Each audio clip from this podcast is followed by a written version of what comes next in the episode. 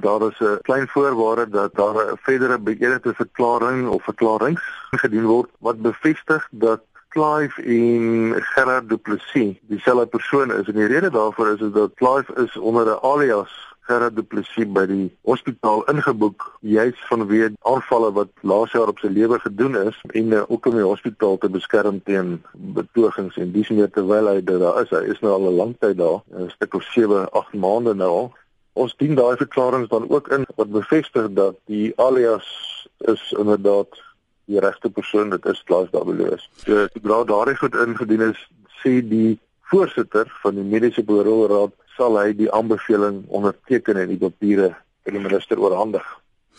Marius, eh, wat beteken dit prakties vir Klaas Dabeloos? Wanneer gaan hy uit die tronk uit kan stap? Kyk, ons ervaring die laaste 6 jaar wat ek op hierdie saak werk, is dat korrektiewe dienste sleep geweldig voete want daar is 'n uh, groot uh, politieke indoeners daar besig en in sleutelposte aangestel wat nie omgee om die saak te laat sloer en ons sal graag dan wil die aansoek onmiddellik weer op die semi-dringende rol kry om 'n spesifieke datum te reël met die minister want wat ons nie nou wil hê nie is dat waar die mediese parol aanbeveel is inderdaad dit het gevat van 2 Mei laas jaar af. Dat dit nie nog 'n uh, jaar of 6 maande vat nie want dit gaan onmiddellik beteken dat daar gaan geen geregtigheid plaasvind nie. Plaas van waarskynlik dan al naby aan dood of reeds dood wees. So ons wil die, wil binne die volgende maand 2 weke sou eintlik ideaal wees om hom dan op mediese parol vrygelaat te kry. Daar's ook die moontlikheid dat Eugene de Kok op parol vrygelaat sal word hierdie week want die hof het ook